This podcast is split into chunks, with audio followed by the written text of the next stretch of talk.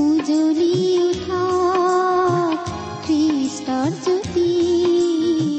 নমস্কাৰ আমাৰ মৰমীয়াল প্ৰভু যীশুৰ মহান নামেৰে আপোনাক এয়া ভক্তিবচন অনুষ্ঠানলৈ আদৰিছো।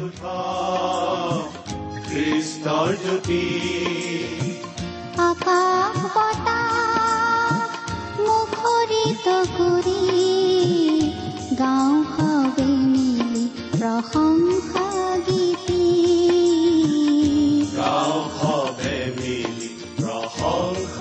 গীতি আজিৰে পবিত্ৰ ক্ষণতে উজলি উঠা খ্ৰীষ্টৰ জ্যোতি ঈশ্বৰে আপোনাক যি অসীম প্ৰেম কৰিলে তাক যদি অনুভৱ কৰিব বিচাৰে আৰু তেওঁৰ অগম্য বাক্যৰ মৌ মিঠা সোৱাদ ল'ব বিচাৰে তেন্তে আহক আজিৰ ভক্তিবচন অনুষ্ঠানটো মনোযোগেৰে শুনো। এয়া আপোনালৈ আগবঢ়াইছো ঈশ্বৰৰ জীৱন্ত বাক্যৰ অনুষ্ঠান ভক্তিবচন। আমাৰ পৰম পবিত্ৰ প্ৰভু যীশুখ্ৰীষ্টৰ নামত নমস্কাৰ প্ৰিয় শ্ৰোতা। আপোনাৰ ভালনে বাৰু? আশা কৰোঁ পৰম পিতা পৰমেশ্বৰৰ মহান অনুগ্ৰহত আপুনি ভালে কুশলে আছে। এয়া আকৌ আপোনালোকৰ ওচৰলৈ আহিছোঁ। বাইবেল অধ্যয়নৰ অসমীয়া অনুষ্ঠান ভক্তিবচনৰ যোগেৰে। আশা কৰোঁ আপুনি আমাৰ এই ভক্তিবচন অনুষ্ঠান নিয়মিতভাৱে শুনি আহিছে। অনুষ্ঠান শুনি আপুনি কেনে পাইছে বাৰু? ইয়াৰ দ্বাৰা আপুনি কিবা প্ৰকাৰে লাভৱান হোৱা বুলি ভাবেনে? আমালৈ চিঠি লিখি জনাবচোন। আপোনাৰ দিহা পৰামৰ্শ মতামত গঠনমূলক সমালোচনা আদি পালেহে আমি আমাৰ এই অনুষ্ঠান অধিক মনোগ্ৰাহী কৰি তুলিবলৈ চেষ্টা চলাব পাৰিম। প্ৰভু যীশুখ্ৰীষ্ট সম্বন্ধেও কিবা জানিবলগীয়া কথা থাকিলে আমালৈ লিখিব পাৰে। আপোনালোকৰ পৰা পোৱা চিঠি পত্ৰই আমাৰ উৎসাহ উদ্দীপনাৰ উৎসৰ নিচিনা। আমাৰ ঠিকনা? ভক্তিবচন টি ডব্লিউ আৰ ইণ্ডিয়া ডাক বাকচ নম্বৰ সাত শূন্য গুৱাহাটী সাত আঠ এক শূন্য শূন্য এক। ভক্তিবচন T W R India postbox number seventy Guwahati seven eight one zero' zero' one.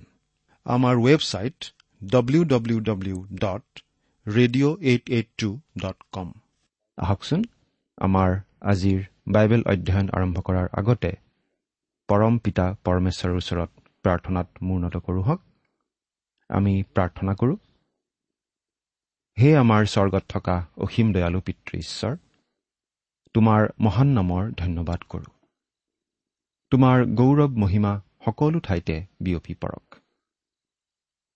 এই দুখ মোকালিতে আমি প্ৰাৰ্থনাৰে তোমাৰ ওচৰ চাপিছোঁ প্ৰভু। কিয়নো তুমি প্ৰাৰ্থনা শুনোতা আৰু উত্তৰ দিওঁতা ঈশ্বৰ। তুমি পবিত্ৰ তুমি ধাৰ্মিক তুমি ন্যায়বান তুমি দয়ালু তুমি কৰোণাময়। তুমি আমাৰ স্ৰষ্টা পালনকৰ্তা। তুমি আমাৰ উদ্ধাৰকৰ্তা। তোমাৰ তুলনাত আমি অতি নগণ্য প্ৰভু। তথাপি তুমি আমাক কিয় ইমান প্ৰেম কৰা আমি বুজি নাপাওঁ। তোমাক অশেষ ধন্যবাদ কিয়নো তুমি আমাক উদ্ধাৰ কৰিবলৈ তোমাৰ একমাত্ৰ পুত্ৰ যীশুখ্ৰীষ্টকে জগতলৈ পঠালা। তেওঁ ক্ৰুচত প্ৰাণ দি আমাৰ পাপৰ প্ৰায়চিত্ৰ কৰি তৃতীয় দিনা পুনৰ জি উঠি সোঁ শৰীৰে স্বৰ্গলৈ গৈ এতিয়া তোমাৰ সিংহাসনৰ সোঁহাতে বহি আমাৰ হকে নিবেদন কৰি আছে। তেওঁত বিশ্বাস কৰি আজি আমি বিনামূল্যে পৰিত্ৰাণ লাভ কৰি তোমাৰ সন্তান হ'ব পৰা হৈছো। আমাৰ ধাৰ্মিকতাৰ কাৰণে নহয় কিন্তু একমাত্ৰ তোমাৰ অনুগ্ৰহতহে ই সম্ভৱ হৈছে। তাৰ বাবে তোমাক অশেষ ধন্যবাদ পিতা। এতিয়া প্ৰাৰ্থনা কৰিছোঁ তুমি আমাক তোমাৰ বাক্য বুজিবলৈ সহায় কৰা। তোমাৰ মাত আমাক শুনিবলৈ দিয়া। অনুষ্ঠান শুনি থকা প্ৰতিজন শ্ৰোতাক তুমি বিশেষভাৱে আশীৰ্বাদ কৰা।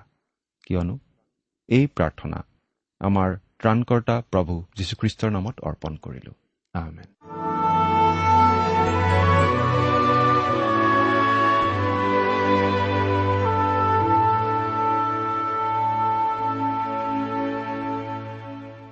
প্ৰিয় শ্ৰোতা আপুনি বাৰু আমাৰ এই ভক্তিবচন অনুষ্ঠান নিয়মিতভাৱে শুনি আহিছেনে?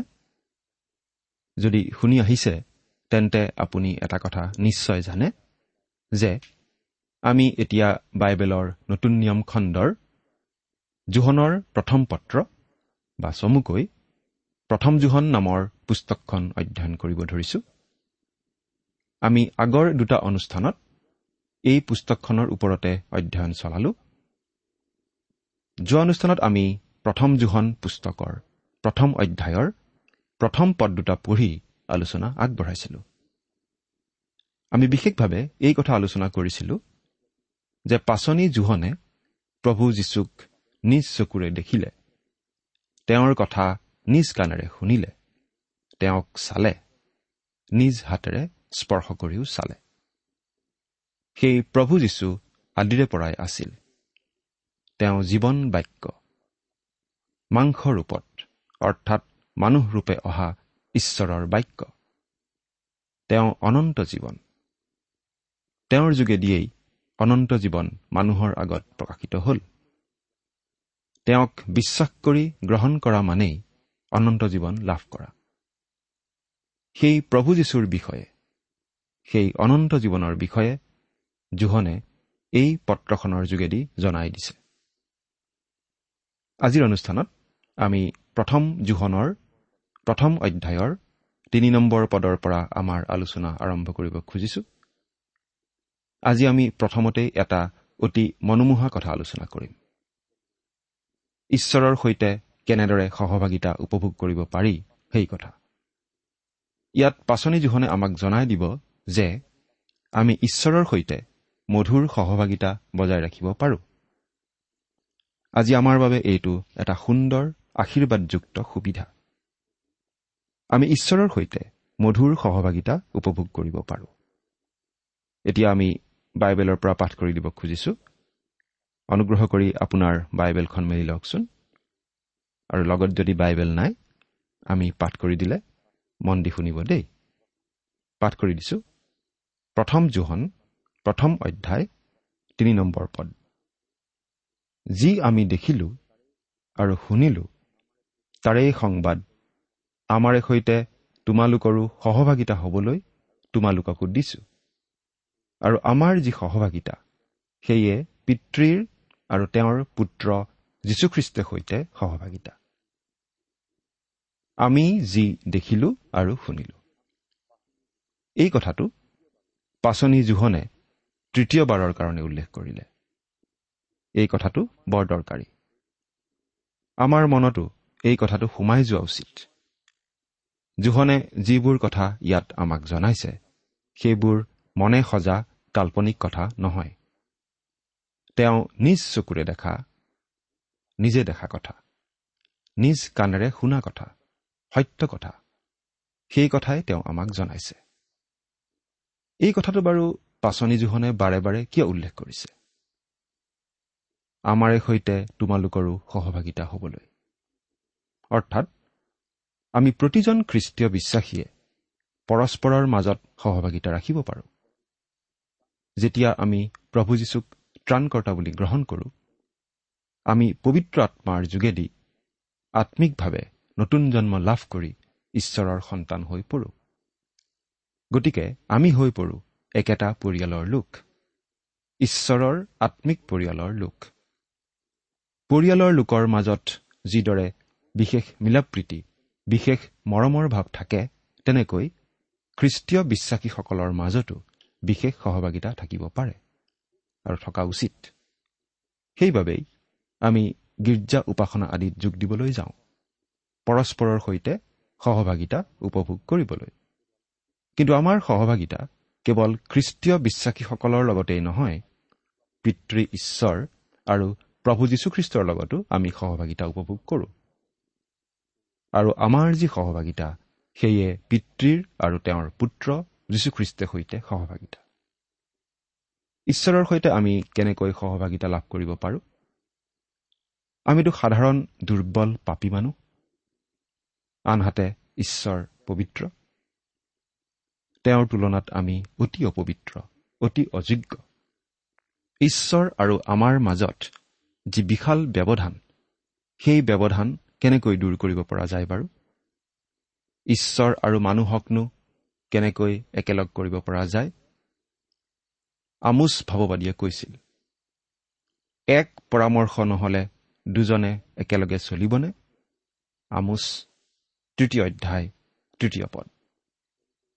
আমি ঈশ্বৰৰ সৈতে কেনেকৈ মিত্ৰতা স্থাপন কৰিব পাৰোঁ?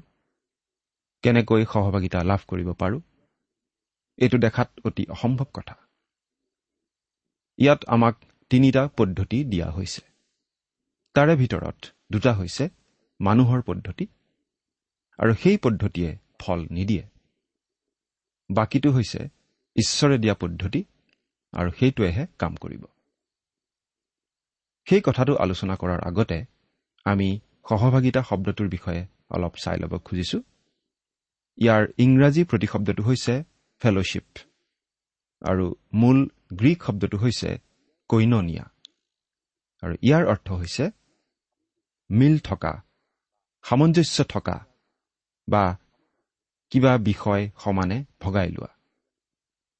খ্ৰীষ্টীয় সহভাগিতা হৈছে খ্ৰীষ্ট বিষয়ক বস্তু ভগাই লোৱা। আৰু তাকে কৰিবলৈ হ'লে আমি প্ৰভু যীশুক জানিব লাগিব। আৰু তেওঁৰ বিষয়ে জানিলে নহ'ব। তেওঁক ব্যক্তিগতভাৱে ত্ৰাণকৰ্তা বুলি গ্ৰহণ কৰিব লাগিব। আজিকালি কিন্তু আমি সহভাগিতাৰ প্ৰকৃত অৰ্থটো হেৰুৱাই পেলাব ধৰিছো। এই বিষয়ে এজন বিখ্যাত শিক্ষকে এনেদৰে এটা উদাহৰণ দিছিল। মোক এটা ক্লাবৰ উদ্যোক্তাসকলে প্ৰায়েই নিমন্ত্ৰণ কৰি নিছিল। তেওঁলোকৰ বিশেষ বিশেষ অনুষ্ঠান কিছুমানত যোগ দিবলৈ। এবাৰ বৰদিনৰ সময়ত তেওঁলোকে মোক নিমন্ত্ৰণ কৰিলে মুখ্য বক্তা হিচাপে। তেওঁলোকৰ নিমন্ত্ৰণ ৰক্ষা কৰি মই গলো। কিন্তু মই গৈ এটা কথা লক্ষ্য কৰিলো। তেওঁলোকে যি ঠাইত সভা পাতিছিল তাত এখন ডাঙৰ বেনাৰত লিখি থোৱা আছিল ফান ফুড ফেলোশ্বিপ স্ফূৰ্তি আনন্দ আহাৰ আৰু সহভাগিতা। সেই সভাত যথেষ্ট ভাল আহাৰ খুৱাইছিল। নানা ধৰণে ৰং ধেমালি কৰি স্ফূৰ্তি আনন্দ কৰা হৈছিল। আৰু সহভাগিতা মানে আছিল এজনে আনজনৰ পিঠিত চপৰিয়াই কি খবৰ ভালনে? এনে বুলি সোধা। তাৰ পাছত মানুহবোৰে একেলগে এটা গান গাইছিল আৰু তেওঁলোকে সহভাগিতা মানে তাকেই বুজিছিল। খ্ৰীষ্টীয় বিশ্বাসীসকলে আজি সহভাগিতা মানে প্ৰায় তেনেকুৱাই বুজে। মণ্ডলীত যেতিয়া কোনো ভোজ আদিৰ আয়োজন কৰা হয় তেতিয়া আমি প্ৰায় এনেকুৱা ধৰণৰ পৰিৱেশ এটাই আশা কৰিব পাৰোঁ। আমি আহাৰ আৰু সহভাগিতা আশা কৰিয়েই আহোঁ। কিন্তু আমি বাৰু যেতিয়া সহভাগিতা বুলি ঘোষণা কৰোঁ তেতিয়া বাৰু আচলতে কি বুজাওঁ? আমি সাধাৰণতে খোৱা মেজত বহি কথা বতৰা পতাৰ কথাটোৱেই বুজাওঁ। আমি বিভিন্ন ধৰণৰ কথা পাতোঁ কিন্তু প্ৰকৃত সহভাগিতা হ'ব লাগে খ্ৰীষ্ট বিষয়ক কথা বতৰাহে খ্ৰীষ্টীয় বিশ্বাসীসকলৰ বাবে প্ৰকৃত সহভাগিতা হ'ব পাৰে খ্ৰীষ্টতহে। খ্ৰীষ্টীয় সহভাগিতা খ্ৰীষ্টকেন্দ্ৰিক। আমি যিমানেই খ্ৰীষ্টৰ ওচৰ চাপি আহোঁ সিমানেই আমাৰ সহভাগিতা মধুৰ হয়। আমি যেতিয়া খ্ৰীষ্টীয় সহভাগিতাৰ বাবে একগোট হওঁ তেতিয়া আমি আলোচনা কৰিব লাগে খ্ৰীষ্টৰ বিষয়ে তেওঁৰ বাক্যৰ বিষয়ে। এই সহভাগিতাৰ কথাকেই ইয়াত পাচনি জোহনে কৈছে। তেওঁ এই পত্ৰখনৰ যোগেদি কথাবোৰ কৈ আছে যাতে আমাৰে সৈতে তোমালোকৰো সহভাগিতা হয়। আৰু যি সহভাগিতা সেয়ে পিতৃৰ আৰু তেওঁৰ পুত্ৰ যীশুখ্ৰীষ্টৰ সৈতে সহভাগিতা। এয়েই প্ৰকৃত খ্ৰীষ্টীয় সহভাগিতা। এতিয়া চাৰি নম্বৰ পদটো পাঠ কৰি দিম। এতিয়া আমি এটা বিশেষ কথা পাওঁ। সেইটো হৈছে পোহৰত চলা। পঢ়ি দিছো। আৰু আমাৰ আনন্দ যেন সম্পূৰ্ণ হয় তাৰ কাৰণে আমি এইবোৰ কথা লিখিছো। ইয়াত জোহনে এই পত্ৰখন লিখাৰ দ্বিতীয়টো কাৰণ উল্লেখ কৰিছে। কাৰণটো কি? আৰু আমাৰ আনন্দ যেন সম্পূৰ্ণ হয় তাৰ কাৰণে আমি এইবোৰ কথা লিখিছো। আনন্দ লাভ কৰাটো কিমান হেঁপাহৰ কথা। কেৱল অলপ আনন্দ নহয় সম্পূৰ্ণ আনন্দ। সহভাগিতাৰ যোগেদি লাভ কৰা আনন্দ। কৈননীয়া শব্দটোৱে সহভাগিতা গ্ৰহণ কৰা সহভাগিতা উপভোগ কৰা কাৰ্যটোকো বুজায়। গীৰ্জাত আমি যেতিয়া প্ৰভুভোজ গ্ৰহণ কৰোঁ সেইটো সহভাগিতাৰ কাৰ্য। সহভাগিতা গ্ৰহণ কৰা কাৰ্য। দান বৰঙণি আগবঢ়োৱা বা আনলৈ সহায়ৰ হাত আগবঢ়োৱাটো সহভাগিতাৰ কাৰ্য। একেলগে প্ৰাৰ্থনা কৰাটো সহভাগিতাৰ কাৰ্য। কিন্তু ইয়াত জোহনে সহভাগিতাৰ অভিজ্ঞতাৰ কথাটো কৈছে। অৰ্থাৎ সহভাগিতা গ্ৰহণ কৰিলে আমাৰ মনত কেনেকুৱা লাগে সেই কথাটো কৈছে। এনেকুৱা এটা বিশেষ অভিজ্ঞতাৰ কথাকেই পাচনি পৌলে এনেদৰে কৈছিল ফিলিপিয়া তিনি অধ্যায় দহ পদত। আৰু তেওঁত আৱিষ্কৃত হওঁ আৰু কোনোমতে মৃতবিলাকৰ পুনৰুত্থানৰ ভাগি হ'বৰ কাৰণে মই খ্ৰীষ্টৰ মৃত্যুৰ সমৰূপ হৈ তেওঁক আৰু তেওঁৰ পুনৰুত্থানৰ শক্তি আৰু তেওঁৰ দুখ ভোগৰ সহভাগিতা যেন জানিবলৈ পাওঁ। ফিলিপিয়া তিনি অধ্যায় দহ পদ। প্ৰিয় শ্ৰোতা আমি যেতিয়া প্ৰভু যীশুৰ বাক্য বিলাওঁ তাৰ শেষ উদ্দেশ্য এটাই যাতে মানুহে নিজৰ অসহায় অৱস্থাটো বুজি পায় মন পালটন কৰি প্ৰভু যীশুলৈ আহে আৰু পৰিত্ৰাণ লাভ কৰি অন্তৰত সম্পূৰ্ণ আনন্দ লাভ কৰিব পাৰে। আমি পাচনিৰ কৰ্মত এটা ঘটনা পঢ়িছিলোঁ। ফিলিপৰ যোগেদি প্ৰভু যীশুৰ শুভবাৰ্তা শুনি ইথিওপিয়াৰ সেই নপুংসক লোকজনে খ্ৰীষ্টক গ্ৰহণ কৰাৰ কথা। প্ৰভু যীশুক গ্ৰহণ কৰাৰ পাছত সেই লোকজন যেতিয়া গুচি গৈছিল তেওঁ ৰাস্তাত ফিলিপ ইমান ভাল প্ৰচাৰক ইমান সুন্দৰ কথা কয় এনেকুৱা চিন্তা কৰি যোৱা নাছিল। কিন্তু আমি পঢ়িবলৈ পাওঁ যে তেওঁ অতিশয় আনন্দ কৰি কৰিহে গৈছিল। কিয় বাৰু? কাৰণ তেওঁ প্ৰভু যীশুখ্ৰীষ্টক ব্যক্তিগত ত্ৰাণকৰ্তা বুলি গ্ৰহণ কৰিছিল। যীশুখ্ৰীষ্টক জানিছিল। জোহনৰ এই প্ৰথম পত্ৰখনৰ উদ্দেশ্যও এই যে আমি সকলোৱে এই পত্ৰখন পঢ়ি খ্ৰীষ্টৰ বিষয়ে যি সুন্দৰ সুন্দৰ কথা সেই কথাবোৰ জানিব পাৰোঁ একেলগে বুজিব পাৰোঁ যাতে ঈশ্বৰৰ আত্মাই এই সুন্দৰ কথাবোৰৰ যোগেদি প্ৰভু যীশু আৰু পিতৃ ঈশ্বৰক আমাৰ আগত বাস্তৱ ৰূপত প্ৰকাশ কৰিব পাৰে যাতে আমি আৰু অধিককৈ ঈশ্বৰৰ কাষ চাপি যাব পাৰোঁ। আৰু ফলস্বৰূপে আমাৰ সহভাগিতা আৰু অধিক মধুৰ হয় আমাৰ আনন্দ সম্পূৰ্ণ হয়। এতিয়া আমি ইতিমধ্যে উল্লেখ কৰি অহা সমস্যাটোলৈ ওলটি যাব খুজিছো। পাচনি জোহনে ইয়াত উল্লেখ কৰিছে যে তেওঁ এইবোৰ কথা এইকাৰণেই লিখিছে যাতে আমি সহভাগিতা উপভোগ কৰিব পাৰোঁ আৰু যাতে সেই সহভাগিতা উপভোগ কৰাৰ বাবে আমাৰ আনন্দ সম্পূৰ্ণ হয়। আমাৰ আনন্দ কেতিয়া সম্পূৰ্ণ হ'ব? এই প্ৰশ্নটোৰ উত্তৰ অতি সহজ। আমাৰ আনন্দ তেতিয়াহে সম্পূৰ্ণ হ'ব যেতিয়া আমি ঈশ্বৰৰ সৈতে সহভাগিতা উপভোগ কৰিব পাৰোঁ। কিন্তু এই বিষয়টোতে এটা দৰকাৰী কথা আছে। ঈশ্বৰৰ সৈতে সহভাগিতা উপভোগ কৰিবলৈ হ'লে এটা হেঙাৰ পাৰ হ'ব লাগিব। প্ৰতিজন খ্ৰীষ্টীয় বিশ্বাসীয়ে এই বিশেষ সমস্যাটো জানে। এই বিশেষ সমস্যাটোৰ সন্মুখীন হয়। আৰু এই বিশেষ সমস্যাটোৰ কথা জোহনে ইয়াত উল্লেখ কৰিছে। সেই বিষয়টোৱে তেওঁ আলোচনা কৰিছে। মানুহ হৈও আমি যে ঈশ্বৰৰ সৈতে সহভাগিতা উপভোগ কৰিব পাৰোঁ সেই কথাটো আমাৰ বাবে অতি আশীৰ্বাদযুক্ত গৌৰৱময় আশা। কিন্তু যেতিয়াই আমি এই বিশেষ সমস্যাটোৰ সন্মুখীন হওঁ তেতিয়া আমাৰ আশা সেমেকি যায়। এনেকুৱা অভিজ্ঞতা আমাৰ বহুতৰেই আছে। কিন্তু এই সমস্যাৰ সমাধানো আছে তাকেই আমি এই পত্ৰখনত পঢ়িবলৈ পাওঁ। পাঁচ নম্বৰ পদটো পঢ়ি দিছো। ইয়াত এনেদৰে লিখা আছে আমি যি বাৰ্তা তেওঁৰ পৰা শুনি তোমালোকক জনাইছো সেয়ে এই। ঈশ্বৰ পোহৰ আৰু আন্ধাৰ তেওঁত এফেৰিও নাই। ঈশ্বৰ পোহৰ আৰু তেওঁত আন্ধাৰ এফেৰিও নাই। অৰ্থাৎ আমি এই কথাটো সহজেই বুজি পাওঁ যে ঈশ্বৰ পবিত্ৰ সম্পূৰ্ণ পবিত্ৰ। আৰু এই কথাটো আমি জানো যে মানুহ অপবিত্ৰ। গতিকে ঈশ্বৰ আৰু মানুহৰ মাজত আছে এটা বিশাল ব্যৱধান। পবিত্ৰ ঈশ্বৰ মহান পৰিত্ৰতা। আৰু মানুহৰ মাজত থকা এই ব্যৱধান কেনেকৈ নোহোৱা কৰা যায়? আৰু এই ব্যৱধান সাধাৰণ নহয় অতি বিশাল ব্যৱধান। ঈশ্বৰ আৰু আমাৰ মাজত থকা ব্যৱধান। এটা প্ৰকাণ্ড খাৱৈৰ নিচিনা। তেনে মানুহ কেনেদৰে ঈশ্বৰৰ কাষ চাপি যাব পাৰে?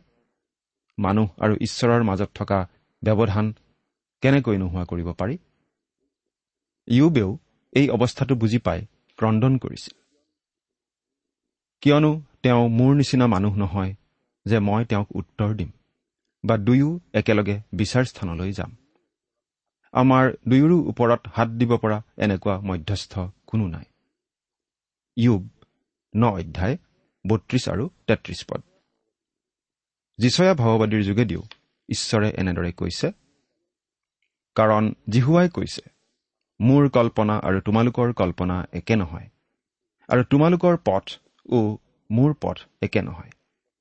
যিচয়া পঁচপন্ন অধ্যায় আঠ পদ। পাপী মানুহেনো ঈশ্বৰৰ সৈতে কেনেদৰে একেলগে খোজকাঢ়িব পাৰে? আমাক কোৱা হৈছে ঈশ্বৰ পোহৰ আৰু আচলতে এইটো ঈশ্বৰৰ এটা সূত্ৰ। এই জোহনে লিখা প্ৰথম পত্ৰখনক আমি তিনিটা ভাগত ভগাব পাৰোঁ আৰু প্ৰতিটো ভাগতেই আমি ঈশ্বৰৰ একোটা সূত্ৰ পাওঁ। প্ৰথমটো হৈছে ঈশ্বৰ পোহৰ দ্বিতীয়তে ঈশ্বৰ প্ৰেম আৰু তৃতীয়তে ঈশ্বৰ জীৱন। কিন্তু আমিনো বাৰু এনে এজনা ঈশ্বৰৰ সৈতে কেনেদৰে সহভাগিতা ৰাখিব পাৰোঁ? ওপৰে ওপৰে চাই আমি এটা কথা কিন্তু সহজে কৈ দিব পাৰোঁ যে ঈশ্বৰৰ সৈতে সহভাগিতা ৰাখিবলৈ হ'লে আমি ঈশ্বৰৰ সমপৰ্যায়ৰ হ'ব পাৰিব লাগিব। নহ'লে ঈশ্বৰক আমাৰ পৰ্যায়লৈ আমি আনিব পাৰিব লাগিব। কিন্তু আমি কোনেও এই কামটো কৰিব নোৱাৰো। কিন্তু মানুহে তাকেই কৰিবলৈ চেষ্টা কৰি থাকে। আমি যে ঈশ্বৰৰ সমকক্ষ নহয় সেইটো যে অসম্ভৱ কথা সেইটো জোহনে আমাক ইয়াত দেখুৱাই দিছে। আৰু ঈশ্বৰৰ এটা সংজ্ঞা তেওঁ ইয়াত দাঙি ধৰিছে। ঈশ্বৰ পোহৰ। পোহৰনো কি? সেই বিষয়ে বিজ্ঞানে আমাক বহু কথাই কয়। পোহৰ বাৰু এবিধ শক্তি নে এবিধ পদাৰ্থ? পোহৰ আমি বিভিন্ন উৎসৰ পৰা পাওঁ। এন্ধাৰ কোঠা এটাত লাইট এটা জ্বলাই দিয়াৰ লগে লগে কোঠাটো পোহৰ হয়। এন্ধাৰ আঁতৰি যায়। পোহৰে বাৰু এন্ধাৰখিনি খেদি পঠিয়ায় নেকি? লাইটটো নুমাই দিলে কোঠালৈ আকৌ এন্ধাৰবোৰ সোমাই আহে নেকি? এনেদৰে আমি বিভিন্ন ধৰণে কথাবোৰ চিন্তা কৰি থাকিব পাৰোঁ। কিন্তু এইবোৰ কথালৈ আমি চুলি ছিঙি থাকিব খোজা নাই। কিন্তু জোহনে যেতিয়া কৈছে ঈশ্বৰ পোহৰ বুলি তেওঁ ঈশ্বৰৰ চৰিত্ৰনো কি ব্যক্তিত্বনো কি সেই বিষয়ে আমাক অলপ উমান দিছে। যদিও ঈশ্বৰ সম্বন্ধে আমাক সকলোখিনি কথা কৈ দিয়া নাই কিন্তু বহুখিনি কথাই প্ৰকাশ পাইছে। প্ৰথমতে পোহৰে বুজাই ঈশ্বৰৰ গৌৰৱ মহিমা উজ্জ্বলতা সৌন্দৰ্য আৰু আশ্চৰ্যৰ কথা। ৰাতিপুৱা সূৰ্য উদয় হোৱাৰ সময়ত পূব আকাশখনলৈ চাই কেনে লাগে বাৰু? কেনে এটা সুন্দৰ উজ্জ্বল পৰিৱেশ? ঈশ্বৰ তাতোকৈ সুন্দৰ তাতোকৈ উজ্জ্বল তাতোকৈ মহিমাময় গৌৰৱময়। পোহৰ নিজে নিজে প্ৰকাশ পাই উঠে। পোহৰ আমি দেখোঁ। পোহৰে আন্ধাৰ দূৰ কৰে। পোহৰত আমি আন আন বস্তু দেখোঁ।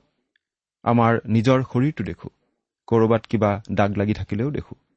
তেনেকৈ ঈশ্বৰৰ আগতো আমাৰ সকলো কথা প্ৰকাশ পাই উঠে। আমি ঈশ্বৰৰ পৰা একো কথা লুকুৱাই ৰাখিব নোৱাৰো। পোহৰে ঈশ্বৰৰ নিষ্কলংক শুদ্ধ সিদ্ধ পবিত্ৰতাকো বুজায়। পোহৰে মানুহক বাট দেখুৱাই পথৰ নিৰ্দেশনা দিয়ে। ঈশ্বৰ পোহৰ। ঈশ্বৰেহে আমাক প্ৰকৃত পথ প্ৰকৃত সত্যৰ সন্ধান দিব পাৰে। এনেহেন পবিত্ৰ ঈশ্বৰৰ আগত আমিনো কেনেকৈ উপস্থিত হ'ব পাৰোঁ? মানুহৰ অৱস্থা অতি ঘীনলগীয়া। কিয়নো মই জানো যে মুঠ অৰ্থাৎ মোৰ মাংসত উত্তমতা বাস নকৰে। ইচ্ছা কৰিবলৈ মোৰ সমৰ্থ আছে কিন্তু উত্তমতা সাধন কৰিবলৈ হলে নাই। ৰুমিয়া সাত অধ্যায় ওঠৰ পদ। সকলোৱেই পাপৰ অধীন। এই বিষয়ে লিখাও আছে ধাৰ্মিক কোনো নাই এজনো নাই। ৰুমিয়া তিনি অধ্যায় দহ পদ। কিয়নো মাংসৰ ভাৱ ঈশ্বৰলৈ শত্ৰুতা কাৰণ সেয়ে ঈশ্বৰৰ বিধানৰ বশীভূত নহয় আৰু হ'বও নোৱাৰে। ৰুমিয়া আঠ অধ্যায় সাত পদ। আচলতে মানুহৰ যি স্বভাৱ সেই স্বভাৱ ঈশ্বৰ বিৰোধী। কিন্তু আমি ঈশ্বৰৰ মহান অনুগ্ৰহত সকলো পাপৰ ক্ষমা লাভ কৰি ঈশ্বৰৰ সন্মুখলৈ আহিব পাৰোঁ প্ৰভু যীশুক আমাৰ ত্ৰাণকৰ্তা বুলি গ্ৰহণ কৰাৰ দ্বাৰা। প্ৰভু যীশুৰ তেজেৰে আমি সূচী হৈ ক্ষমাপ্ৰাপ্ত হৈ ঈশ্বৰৰ সৈতে সহভাগিতা লাভ কৰিব পাৰোঁ। প্ৰিয় শ্ৰোতা সেই সহভাগিতা আপুনি বাৰু লাভ কৰিছেনে?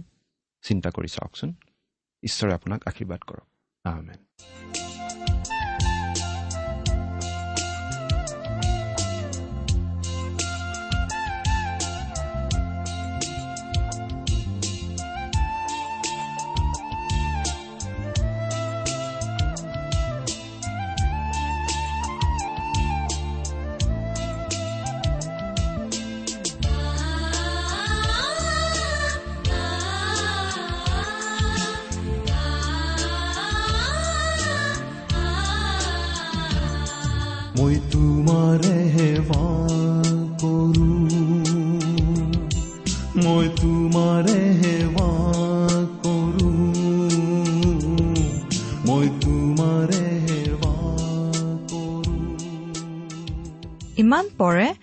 আপুনি ভক্তিবচন অনুষ্ঠানটি শুনিলে।